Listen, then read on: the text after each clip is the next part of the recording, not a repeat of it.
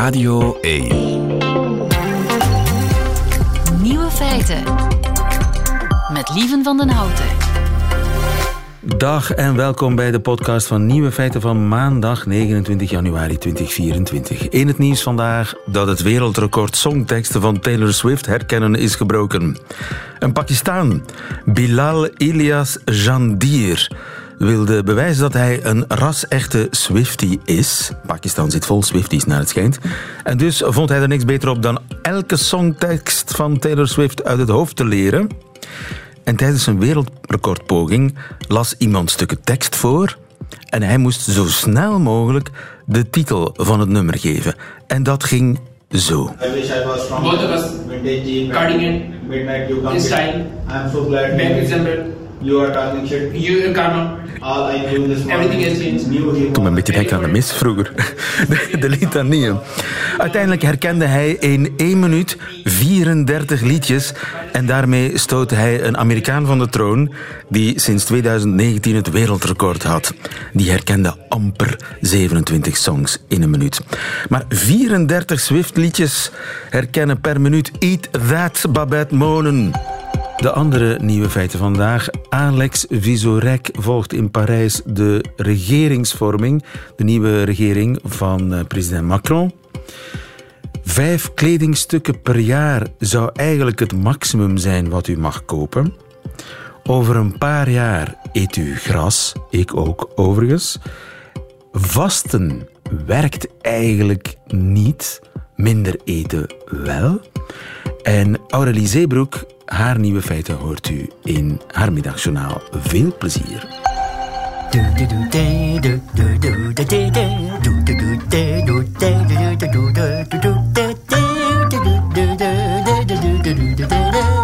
We zijn halfweg.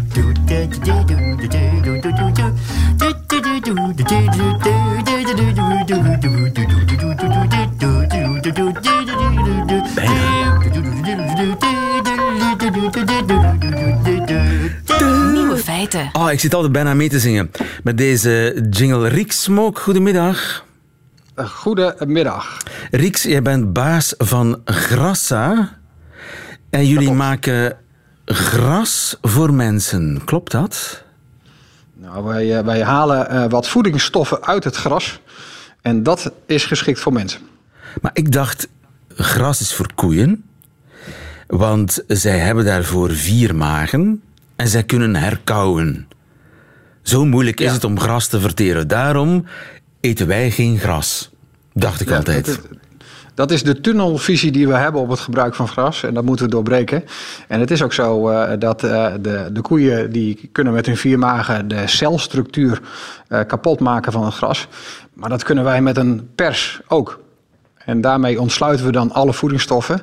En de voedingsstoffen in het gras die zijn uitermate geschikt eh, voor eh, humane consumptie. Oké, dus jullie halen alle voedingsstoffen uit het gras in de vorm van een sapje. Eh, niet alle. Er, blijft, eh, er resteert ook nog een gedeelte van de voedingsstoffen die blijven achter in de vezel. En dat noemen we dan ontsloten gras. Maar in het grassap zit een groot gedeelte van de voedingsstoffen uit het gras. En dat is een plantaardige, vloeibare eh, voedingsmiddelenstroom. En wat zit daar dan in? Nou, eh, heel, eh, als je het even opdeelt in, in drie gedeeltes, of eigenlijk in vier gedeeltes, daar zit eiwit in, daar zitten suikers in, daar zitten mineralen in en er zit natuurlijk water in. Oké, dus veel eiwitten eigenlijk. Zeker, heel veel eiwitten zelfs. Dat is Eh, en dat is- interessant, want dat zoeken we natuurlijk als we plantaardig eh, eten maken. Dan willen we daar veel eiwitten in. Zeker weten. En eh, in gras eh, zit per hectare meer eiwit dan dat je bijvoorbeeld van een hectare bonen afhaalt. En dat, dat weten een heleboel mensen niet. Nee, want ik denk aan soja, ik denk aan bonen inderdaad. Niet aan gras als bron van proteïne. Nee, nee terwijl, eh, eh, en dat, is, dat komt weer over die tunnelvisie. Terwijl gras heeft de grootste eiwitopbrengst per hectare per jaar in Europa. Dus, en die tunnelvisie proberen jullie te doorbreken. Een andere kwestie is natuurlijk, eh, is het te vreten? Als je eh, het graseiwit wat wij rechtstreeks van de band afhalen, hè, het groene eiwit, het geheel, dat smaakt naar spinazie. Hè, En dat kunnen we prima in sauzen hebben, dat moet je niet altijd doen. Maar je kan aan het groene eiwit kan je ook nog opsplitsen in een groen en een wit gedeelte. En dat witte gedeelte, dat is Rubisco. Dat heeft eh, een neutrale smaak en een witte kleur en een heleboel functionaliteit. En is het eiwit, wat door de FAO is aangemerkt als het beste plantaardige eiwit eh, voor humane consumptie. En wat kun je daar dan allemaal mee maken? Nou ja, eh, daarmee kan je eigenlijk eh, ingrediënten maken eh, en eiwit vervangen die nu zuiveleiwitten zijn of dierlijke eiwitten in, in vleesvervangers. Maar ook in pasta kan, zit eiwit, die, die kan je vervangen. Kun je daar kaas mee maken legio bijvoorbeeld? toepassingen. Kaas, eh, eh, kaas op zichzelf is altijd heel erg lastig. Eh, maar nu zie je ook als er vegetarische kazen worden gemaakt, dat er ingrediënten worden gebruikt. En gras, eiwit, het rubisco, kan zeker als een ingrediënt gebruikt worden voor vegetarische kaas. Oké, dus een soort gras mozzarella, dat moet kunnen. Nou, die hebben we al gemaakt. Er zijn een aantal voedingsspecialisten bezig geweest in Amsterdam. En die hebben mozzarella gemaakt van het gras eiwit. Oké. En is daar ook, ook, al een proefsessie eh, op gevolgd? Want ja, je maakt allerlei dingen waar veel voeding in zit, maar mensen moeten het ook nog kunnen opeten. Ja, eh, kijk, dit staat allemaal nog een beetje in de kinderschoenen, deze eh, ontwikkeling. We hebben nu een kleine proof of concept fabriek waar we dat graseiwit maken. En er is een groep eh, van eh, eh, voedselspecialisten bezig geweest, ook een chef van het Rijks bijvoorbeeld, om te kijken hoe ze het graseiwit kunnen toepassen. Nou, en daar is bijvoorbeeld een mozzarella bol uitgekomen, maar ook ravioli, blauwe kaas hebben ze ermee gemaakt, cocktails hebben ze ermee gemaakt, van alles en nog wat. Oké. En eh, de kans dat dat dus, want nu is het nog maar in de experimentele fase, zeg maar, de kans dat dat opgeschaald wordt naar echte ja, dingen die je kunt kopen gewoon in de supermarkt, die kans is groot. Eh, eh, zeker weten. Eh, we zijn met z'n allen eh, heel hard op zoek naar het alternatief voor soja. Eh, en dat, dat groeit in feite dus al op ons land en het wordt al geproduceerd. Maar dat moet alleen nog wel geoogst gaan worden. En, dus wij, wij willen van gras en eiwitgewassen maken. En nou, daarvoor moet je één, een industrie erop ga- gaan zetten. Maar twee, ook om het in humaan voedsel te krijgen, zal je nog wel door een novel food proces heen moeten. En dat is een verschrikkelijk proces waar eh, eh, in feite anderhalf jaar voor staat. Eh, maar dat duurt een jaar of vier voordat je dat voor elkaar hebt. Een novel food proces, en wat is dat dan? Ja, dat is, dat is de regeldrift van Europa. Oh, je moet zorgen goedgekeurd worden. Het mag gewoon nog niet vandaag. We mogen het wel maken, we mogen het ook wel eten, we mogen het alleen niet verkopen. Juist, ja.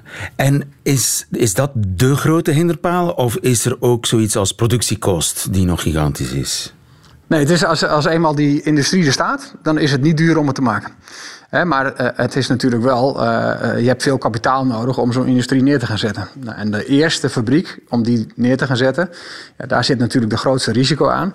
Nou, en die is altijd het moeilijkste om te bouwen. Als die, als die eerste demonstratiefabriek staat, dan, dan wordt het eh, eh, eh, een, een kwestie van kopiëren. En dan gaat ook de agrarische sector zichzelf eromheen bouwen. En die gaan dat dan zelf oplossen. Oké, dus doen boeren. mensen gaan hoe dan ook in de toekomst gras eten. Verre toekomst misschien, maar het gebeurt. Nou, de verre ko- toekomst, ik denk in vijf jaar zou dat moeten kunnen. En in, in tien jaar zit het in een heleboel ingrediënten. En over vijftien jaar weten we het niet beter. Ik eh, wens je alle succes. Rix Smokes, baas van Grassa in Nederlands Limburg. Een bedrijf dat de mens aan het gras wil eh, helpen. Dankjewel en nog een fijne dag. Hartstikke bedankt. U ook. Dag hoor. Nieuwe feiten. Coucou de France. Met Alex Visorek. En het zonnetje schijnt vandaag en ik weet hoe dat komt. Doordat Alex Visorek ons toezwaait vanuit Parijs. Goedemiddag Alex. Zeker en vast. Goedemiddag, lieven. In januari wilde iedereen het jaar 2024 met een gezonde start beginnen hier in Natuurlijk. Frankrijk. Bien En évidemment. dat- bien évidemment. En dat betekent voor veel Fransen dry January. En voor Emmanuel Macron een remaniement. Een herschikking van de regering. Het is een klassieker in de Franse politiek. Hier duurt een regering gemiddeld aan anderhalf jaar. En dan is het zoals een computer. Eh, als die het een beetje moeilijk heeft, dan zet je die uit en dan terug aan. en hoop je dat je eh, problemen opgelost zullen zijn. En eh, Macron heeft wel een paar probleempjes gehad hè, vorig Ja. jaar. De hervorming van de pensioenen, de migratiewet, zijn populariteit die ja, kromp. Ja, we voelden dus dat le remaniement in de lucht hing. Vooral na zijn nieuwjaarwensen. Eh, in zijn speech had Macron de regering en de premier bedankt. En er werd fel gespeculeerd. S'agissait-il d'un merci de gratitude, merci pour ce que vous avez fait et continuerez à faire, ou d'un merci de fin de service, merci pour tout et au revoir, un peu sur le mode un café et l'addition? Ja, was het eh, bedankt voor alles en doe zo voort? Of was het meer een bedankt voor alles, tot ziens? Alsof je de koffie en de rekening vraagt in een café? Ja, dat was de vraag. Ondertussen weten we het. Frankrijk heeft een nieuwe regering. Ja, eh, ze duren niet lang, maar in twee dagen eh, zijn ze eh, tenminste gevormd. En eh, de herschikking is eigenlijk niet zo groot. De grootste ministeries blijven onveranderd. Maar dat werd totaal eh, overschaduwd door twee heel opvallende keuzen. En de eerste is le premier. Le plus jeune des premiers ministres, Gabriel Attal, 34 ans, a été nommé par Emmanuel Macron pour succéder à Elisabeth Borne. Voilà, de jongste eerste minister van Frankrijk, Gabriel Attal. Hij is 34. Ja, wat een promotie. Direct van klasvertegenwoordiger naar premier. Eh, Macron heeft hier iemand benoemd die sinds zijn start in de politiek naast hem zit. Eh, ik zou zelfs eh, zijn stijl kunnen beschrijven, maar misschien is dat even duidelijk met die bijnaam die door de oppositie wordt gegeven. Un espèce de Monsieur Macron Junior. Monsieur Macron junior. De krant Libération is zelfs zo ver gegaan om op de eerste pagina zijn foto te publiceren van Gabriel Attal met de titel Macron premier ministre en eh, Macron junior, eh, maar die toch populair, populair is.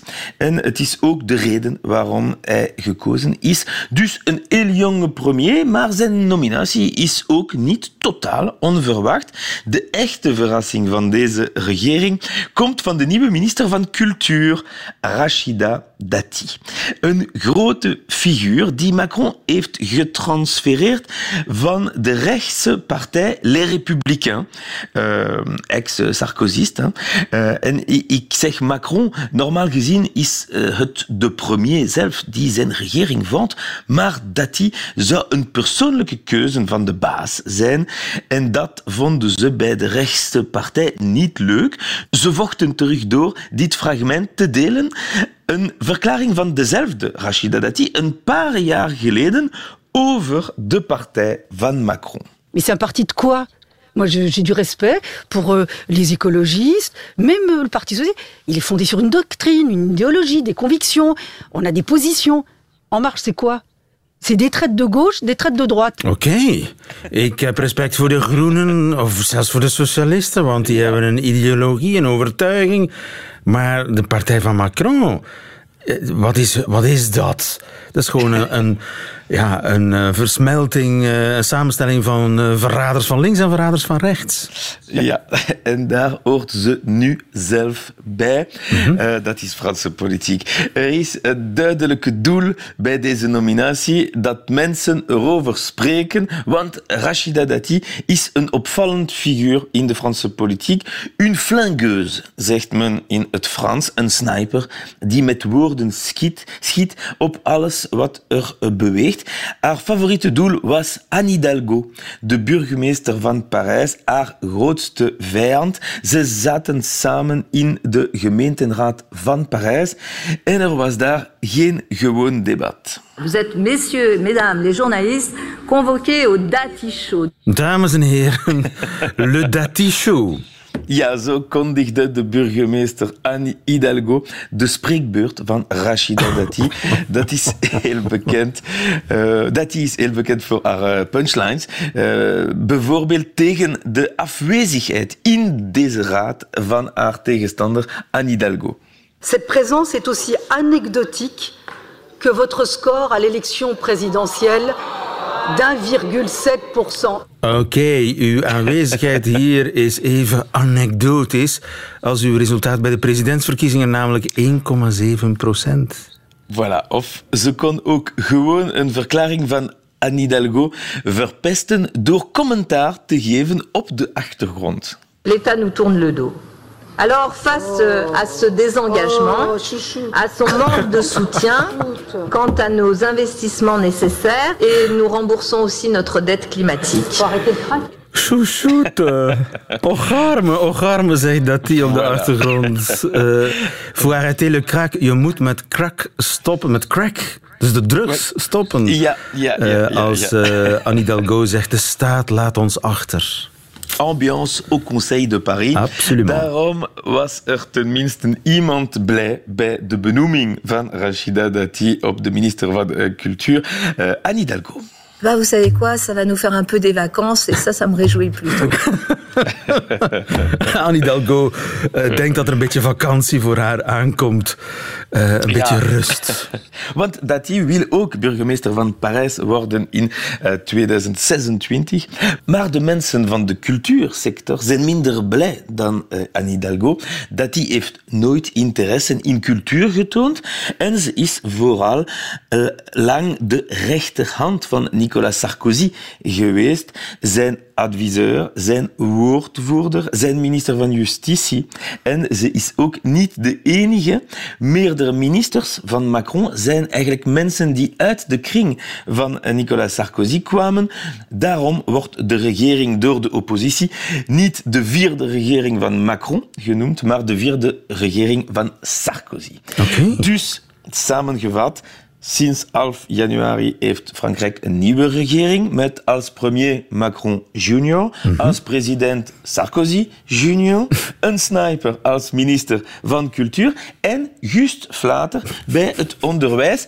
Maar over minister Amélie Oudéa-Castera zal ik er misschien een volgende keer het hebben. Oké, okay, spannend. Een Suspense. cliffhanger. cliffhanger. Uh, oui, hoe, zeg, cliffhanger. hoe zeg je cliffhanger in het Frans? Het was een, een, een, film met Sylvester Stallone, dus Cliffhanger. Een cliffhanger. Voilà. Ik ben benieuwd. Tot de volgende keer, Alex Ja. Visorek in Parijs. Goedemiddag. Tjus. Nieuwe feiten. Om het klimaat te beschermen zou u eigenlijk maar vijf nieuwe kledingstukken per jaar mogen kopen. Marleen Bevers, goedemiddag. Goedemiddag. Marleen, je bent modefilosoof en auteur van het boek Satisfaction. Satisfaction, goede titel. Uh, vijf, ja, dankjewel. vijf nieuwe kledingstukken per jaar maximaal. Dat zegt de denktank Hot or Cool Institute. Het is uh, de standaard die daarover schrijft in een nieuwe reeks over duurzame mode. Hebben ze gelijk? Vijf per jaar? Wel ja, ze hebben dat genomen als een vuistregel natuurlijk, om uh, mensen een concrete uh, hoe te geven. Hè? Want als er geen duidelijk concrete tool is, dan is er ook geen gedragsverandering. Dus die uh, Berlijnse denktak inderdaad, die bestaat uit experten en wetenschappers die hun uh, hoofden bij elkaar steken om echte duurzame oplossingen voor de klimaatproblematiek voor te stellen. En dus hebben zij in hun uh, one and a half degree lifestyle report, noemen zij dat, hebben zij onder andere die vijf kledingstukken per jaar voorgesteld. En waarom is nieuwe kleren kopen zo slecht voor het klimaat? Wel ja, uh, zoals iedereen wel weet, of misschien nog niet weet, maar is kleding productie een van de grootste vervuilers op aarde. Dus uh, uh, wij verbruiken bijvoorbeeld 46, wij kopen 46 stukken gemiddeld per jaar, kledingstukken, waarvan wij er wel 40 weggooien. En de bedoeling is eigenlijk dat we niks meer weggooien en dat we ook veel minder gaan kopen. Want sinds 2000, sinds 2000 is er een stijging van 50 procent uh, van kledingconsumptie. En het, wordt, uh, het is berekend dat tegen 2020 dat zal gestegen zijn tot 63 procent. Dus het gaat nog heel warm worden op de Ja. wereld als we zo verder Ja, blijven ja. gaan. Kleren zijn gewoon veel te goedkoop geworden. Inderdaad, ja, inderdaad. Er is eh, een, grote, grote problematiek met waarde rondom kleding. Eh, ons idee over hoe duur het wel mag zijn. Het mag goedkoop zijn en liefst niks kosten. Ja, en je gooit het ook zomaar weg na een paar keer dragen. Ja, veel te snel natuurlijk. Want bedoeling is 40, dat je- 40 stukken per jaar gooi ik weg. Allee, gemiddeld genomen, zo gezegd. Gemiddeld, gemiddeld natuurlijk. Hè, want ja, ook die, ook die vijf kledingstukken, dat is eigenlijk wel eh, be- dat is eigenlijk berekend als je het over nieuwe kleding hebt. Hè. Want als je tweedehands of duurzaam geproduceerde kledingstukken gaat kopen, dan is dat een ander verhaal. Hè. Het, is, het is ook maar, zoals ik zei, een vuistregel. Hè. Het is een, gemiddelde om mensen een instrument te geven en eens na te denken over, allee, echt bewust te worden over... eh, ja, over waar we eigenlijk mee bezig zijn. Om impuls, eh, impulsaankopen te vermijden en, en meer prioriteit te geven. Impuls aankopen, hè? want je, je koopt kleren om jezelf goed te voelen. Gedurende Ja, vijf inderdaad. minuten. Ja, ja klopt, klopt. En dat is eigenlijk al een systeem dat in gang is gezet eh, in de jaren 30 van vorige eeuw. Ehm, dat staat ook in het artikel, dat is de plant obsolescence, noemden ze dat. En de bedoeling was dan dat je gewoon, de- men produceerde gewoon slechtere kwaliteit producten, niet alleen kleding, maar producten om meer te kunnen verkopen op korte tijd. Ik weet niet of je de, de nylon kous, eh, die plots begon te ladderen na één keer dragen, dat was eh, voor de jaren 30 niet het geval. Dus daar is eigenlijk ook in de fashion heel de, de, de nivellering van kwaliteit ontstaan. En die is nu ja, op een, eh, Een dieptepunt. geweldig niveau. Ja. Ja, Nu, een dieptepunt Ik zit, ik zit mijn kop te breken over die vijf nieuwe kledingstukken per jaar. Hoe zou ik dat dan moeten doen? Als ik een paar sokken en een paar onderbroeken koop en, en, en, en, en nieuwe sneakers bijvoorbeeld, dan ben ik er al bijna. Ja, nee, daar is niet bij gerekend de, de, de zaken die je echt nodig hebt. Hè. Sokken, Ja, ja. ondergoed, that's niet. Het gaat echt over de, ja, de grote kledingstukken, laat me zeggen. Hè. De- De mode. Ja. ja, zo zou je dat kunnen noemen. Ja. En De modetendensen. hoeveel kledingstukken per jaar koop jij, als ik dat mag vragen? Wel, niet veel meer. En eh, by the way, ik draag nog stukken van de jaren tachtig, dus... eh, ja, eh, soms moet ik ze laten vermaken, maakt me niet uit. Maar die zijn zo goed van kwaliteit. En, eh, dat Moonboots hadden we in de jaren tachtig, geloof ik. Wat zeg je? Moonboots hadden we in de jaren tachtig, geloof ik. Draag je die nog? Ja, maar moonboots zijn terug... ah, ja, dat is waar. Dat is ja, waar ook. terug trend. Dus zie je wel, die trends... Ja, dat is ook een fenomeen. Trends keren eigenlijk altijd terug. Het is puur een, ehm, ja, een systeem om mensen... eh, de, om de aandacht te trekken hè, en om altijd te denken... Mensen willen hun identiteit tonen en ze willen aan de andere kant erbij horen. Dat zijn eigenlijk de twee psychologische aspecten die altijd eh, tegenover elkaar eh, een gevecht leveren. En dus nu is het, doordat de tendensen dagelijks veranderen in de fast fashion, eh, zie je dat die identiteit moet dagelijks teruggekozen worden. Dus dat is gewoon Ja. vast. Hè? En daar moet je dus op focussen. Je moet je identiteit proberen niet uit je kleren te halen. En je moet er niet bij willen horen. Is dat de oplossing? Eh, nee, dat is niet waar. In mijn boek eh, beschrijf ik dat ook in Satisfaction. Vertel ik jullie en leer ik eigenlijk aan consumenten hoe eh, zij een waarde bij zichzelf kunnen kleven aan de waarde van hun kleding. Want kleding is gewoon verbonden met je brein. Dat is eh, wetenschappelijk eh, bewezen. Men noemt dat enclosed cognition. En dat is het feit dat kleding je brein beïnvloedt, zowel op zintuigelijk als op symbolisch. Dus het is wel eh, degelijk belangrijk wat je draagt, want het beïnvloedt wat je bent. Absoluut, Ja. absoluut, helemaal. Maar dat moet gewoon herdacht worden. Je eigen waarde veel meer bewust zijn en aan de hand daarvan, van die eigen waarde, je kleding kopen. Dat is eigenlijk het instrument, het holistisch instrument dat ik bied. Juist. Met En dus als je wegwerpkleren koopt, dan ben je eigenlijk zelf een beetje wegwerp. Ja, zou je gerust zo kunnen stellen. Oké. En dus eh, alles bijhouden, niks weggooien. En wie weet eh, komt eh, ja, die, die trui uit de jaren tachtig, of die, die brede broek hè, uit de jaren tachtig had je toch ook zo, zo van, die, van die enorme bandplooibroeken. Die zijn nu ook weer in de mode.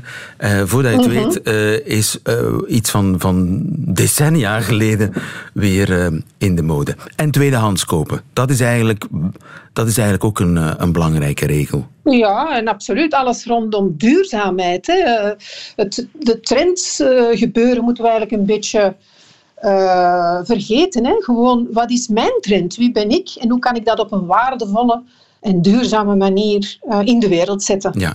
En wat is de 4-3-2-1-regel? Ehm, wel, dat is eigenlijk een manier die ik heb aangegeven om, om ja, gewoon minder, minder snel onder de impulsen van het, eh, allee, onder het impuls kopen te vallen. Hè. Eh, je een beetje weerhouden om, eh, om zo vaak dingen te kopen en zo snel weer nieuwe dingen te kopen. Oké, eh, ik ga mijn best doen. Marleen Bevers, dankjewel. Goedemiddag. Ja, fijne dag, dankjewel. Marleen Bevers, auteur van Satisfaction. Het boek over bewust omgaan met mode. Nieuwe feiten.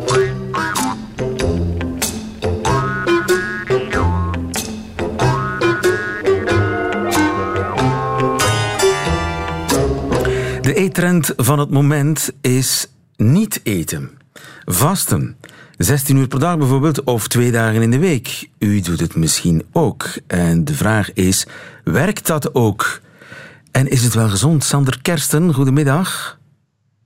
Goedemiddag. Sander, jij bent voedingswetenschapper aan de Wageningen Universiteit in Nederland onder meer.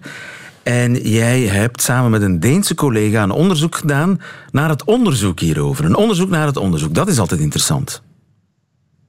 Ja, dat is ook goed dat het gebeurt. Dat je een overzicht maakt van wat er al bekend is in de literatuur. Dus eh, dat, ja, dat je alles op een rijtje zet. Over dat eh, vasten.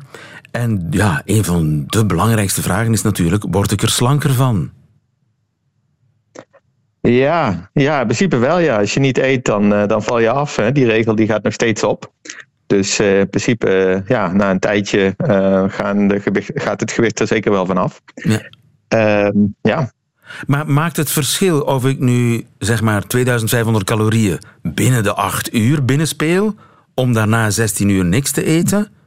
Of ik diezelfde 2500 calorieën verspreid over 18 uur inneem? Maakt dat verschil?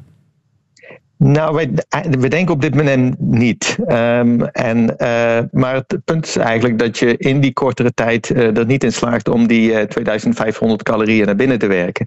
Dus dat mensen eigenlijk vanwege die kortere duur automatisch minder gaan eten. En als mensen minder gaan eten, dan, eh, dan valt men af. Dus eh, dat is eigenlijk een, eh, een voordeel wat, eh, ja, wat gekoppeld is aan beperkte tijdsduur van eten over een dag. Dus uiteindelijk is het, je valt af omdat je minder eet. Niet omdat je gedurende x aantal tijd vast, maar om- omdat je in totaal minder eet. Klopt, ja, correct. En word ik er gezonder van, van vasten? Nou ja, als je dus daardoor afvalt, dan uh, voor mensen die overgewicht hebben, is dat natuurlijk wel een, een gunstige ontwikkeling.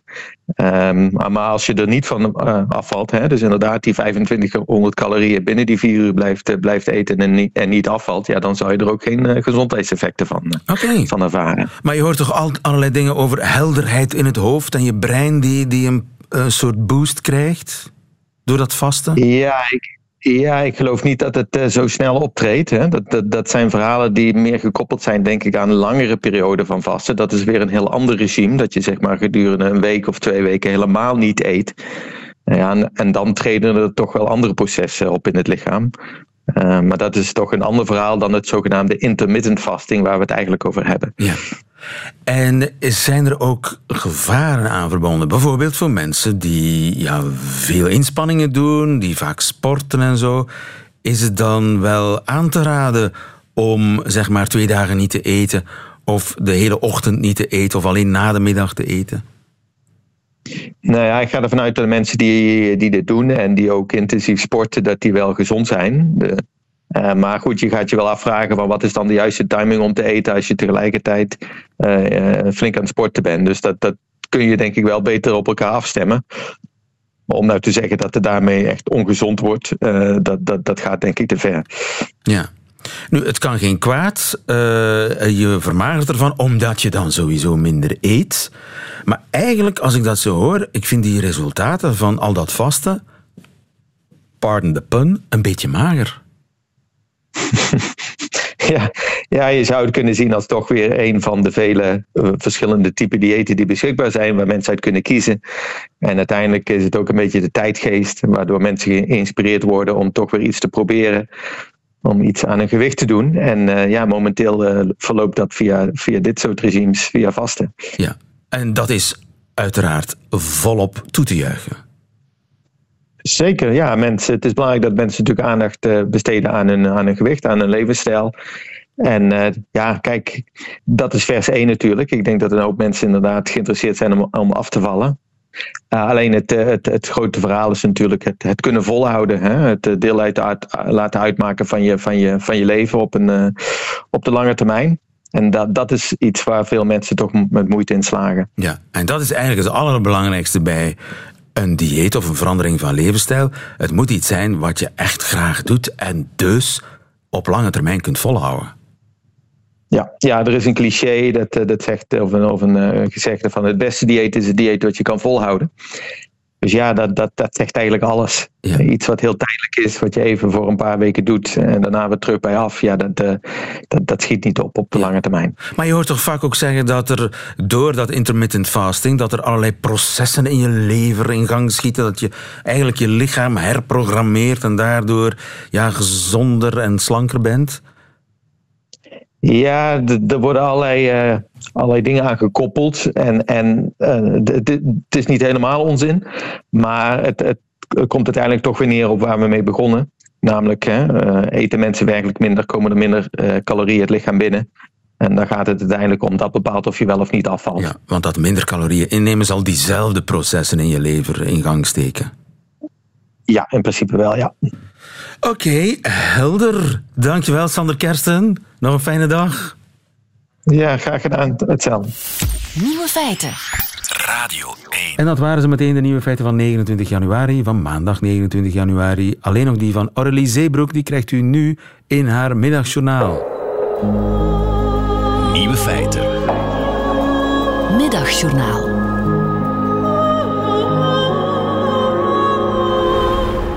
Beste luisteraar, elk jaar sla ik erin om thuis te mogen blijven tijdens de week van nominatiehel. Ik doop nog liever dan dat ik naar de Gouden Kaas moet. Of nog erger, de Mias.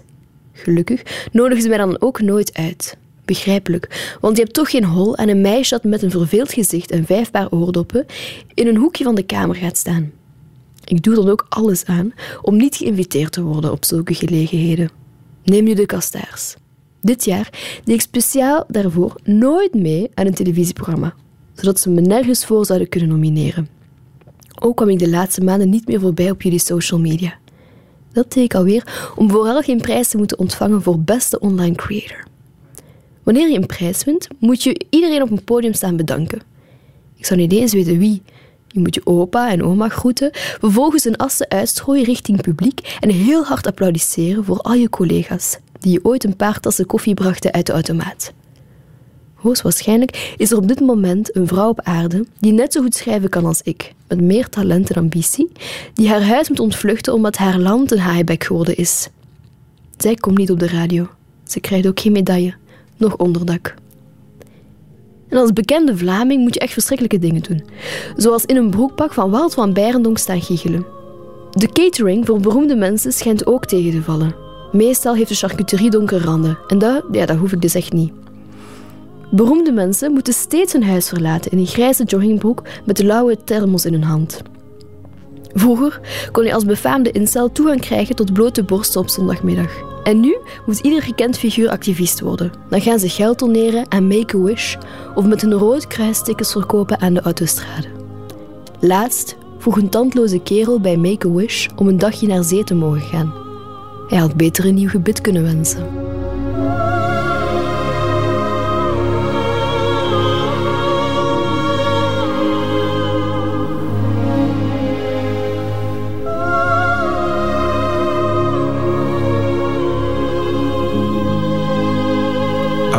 Zeebroek fulltime zottedoos in het middagjournaal deze week. Waarvoor dank.